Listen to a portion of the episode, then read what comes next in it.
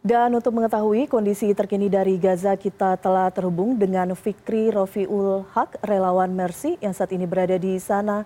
Fikri, selamat malam. Ya, selamat sore waktu Gaza, Mbak. Selamat sore waktu Gaza. Fikri, bagaimana perkembangan terakhir dari Gaza? Kita tahu saat ini semuanya serba terbatas, akses uh, nyaris tidak ada dan uh, listrik juga uh, sudah mulai uh, susah didapatkan. Apakah pemadaman listrik masih berlangsung hingga saat ini? Ya, hingga sampai saat ini memang pemadaman listrik uh, di jalur Gaza uh, sudah uh, hampir merata, di mana khusus di jalur Gaza bagian utara tempat kami tinggal, di mana memang uh, rumah masyarakat Gaza juga sudah lama sekali mengalami pemadaman listrik total, mm -hmm. hingga yang masih menyala hanyalah sekolah sekolahan eh, milik pemerintah ataupun pbb eh, dan juga rumah sakit indonesia yang sampai saat ini masih terus menangani korban korban jiwa hmm. dan korban korban luka luka dan juga kemarin malam pihak ketua rumah sakit indonesia juga mengatakan bahwa jam 11 malam waktu gaza rumah sakit indonesia akan mengalami pemadaman listrik akibat kekurangnya bahan bakar yang diterima oleh uh, rumah sakit indonesia dan juga kami mendapatkan kabar bahwa memang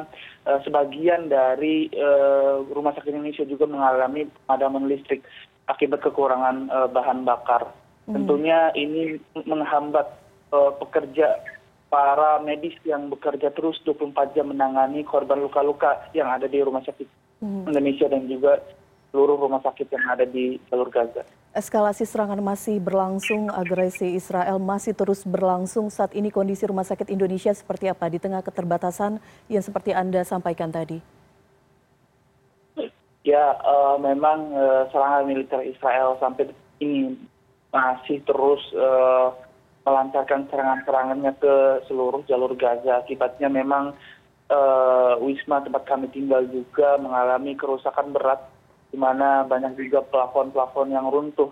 Akibatnya eh, kami dan dua relawan mercy lainnya eh, malam malam eh, yang memang membahayakan atau sangat penting kami tidak bisa sehat di wisma dr jose rizal sehingga kami memilih untuk mengungsi ke rumah sakit indonesia. Dan juga rumah sakit indonesia sampai saat ini banyak sekali mengalami kerusakan berat. Banyak juga plafon plafon yang runtuh. Akibatnya banyak kabel kabel yang terputus. Bahkan di ruang pasien pun eh, rumah sakit indonesia banyak eh, mengalami eh, kerusakan. Mhm. gerbang rafa sudah dibuka meskipun terbatas. Apakah ada distribusi bantuan yang bisa masuk? Ya sampai saat ini yang saya dengar memang kemarin sejumlah 300 orang lebih sudah keluar dari jalur Gaza seratus kurang di antara mereka adalah korban luka luka dari warga gaza dan juga sisanya adalah uh, warga asing hmm. dan kabarnya juga memang pada hari ini juga kemungkinan besar uh, pintu rafah masih terbuka bagi warga asing saja untuk uh, yang keluar ataupun korban luka luka sampai saat ini kami belum mendengar bahwa bantuan kemanusiaan ataupun bantuan logistik kan untuk masuk ke jalur gaza hmm. Uh, Fikri mungkin bisa memberikan gambaran kepada masyarakat Indonesia mengenai uh, akses dari ataupun menuju Mesir ini memang melalui uh, gerbang Rafa ini. Seberapa jauh letaknya kira-kira dari uh, Rumah Sakit Indonesia di mana kita tahu saat ini fokus pemulihan dan juga uh, pengobatan gitu ya bagi masyarakat Palestina yang terluka dilakukan di sini. Dan uh, apa kemudian hambatan yang harus dihadapi jika ingin melintasi uh, Rafah ini? Ya memang eh, lokasi dari rumah sakit indonesia sendiri eh, mereka berada di jalur gaza bagian utara di mana memang eh, di tempat kami berada saat ini hanya 2, kilometer saja dari perbatasan Israel. Artinya kami ini benar-benar di ujung dari jalur Gaza bagian selatan.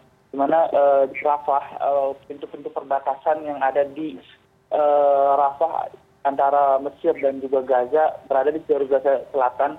Artinya eh, kami dari sana berjarak sekitar 30 sampai 45 menit.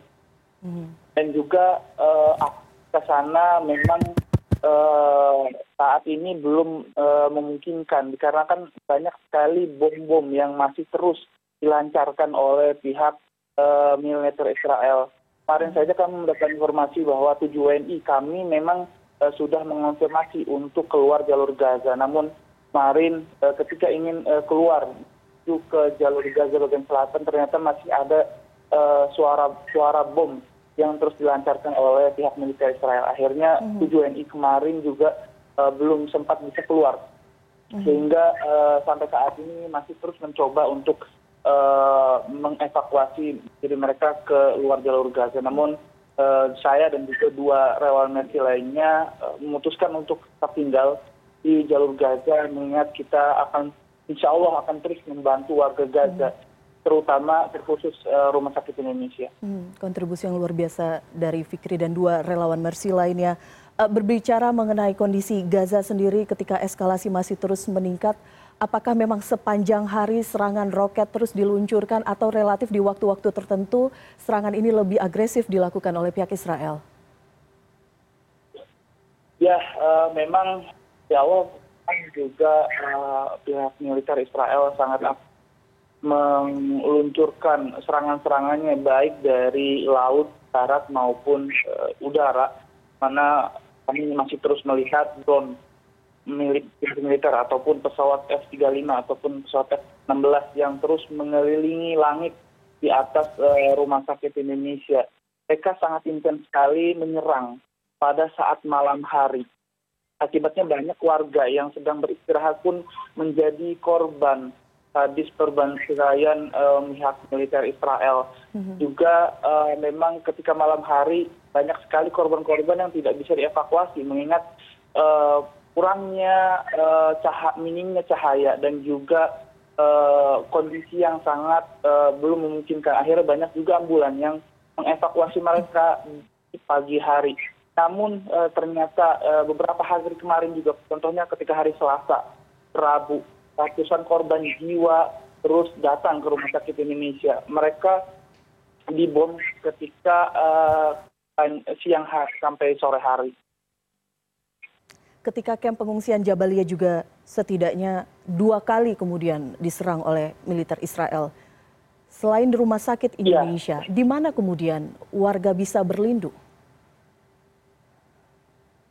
Ya betul, memang uh, pada hari Selasa di uh, pasar Muasar yang hanya berjarak satu kilometer saja dari rumah sakit Indonesia, uh, pihak militer Israel membom di daerah uh, tersebut akhirnya uh, kurang dari seratus ataupun lebih dari seratus korban jiwa dan tiga ratus korban luka luka lainnya dilarikan ke rumah sakit indonesia dan juga pada hari rabu kemarin ternyata memang uh, terjadi lagi uh, pemboman di daerah uh, kamp pengungsian jabalia sehingga uh, sampai saat ini saya uh, juga masih terus mondar mandir ke kamar mayat dari rumah sakit Indonesia. Saat ini mereka belum bisa menampung korban jenazah-jenazah akibat uh, banyaknya korban jenazah yang dilarikan ke rumah sakit Indonesia dan juga banyak juga pasien yang uh, sampai saat ini belum bisa mendapatkan uh, perawatan uh, dari tim medis mengingat uh, rumah sakit Indonesia ataupun rumah sakit yang ada di jalur Gaza mereka saat ini mengalami krisis uh, obat-obatan dan juga bahan bakar bahan bakar. Tentunya sampai saat ini warga Gaza hanya bisa Eh, pas karena mengingat eh, banyak juga sekolah sekolahan yang mereka mereka mengungsi saat ini bagi 1,1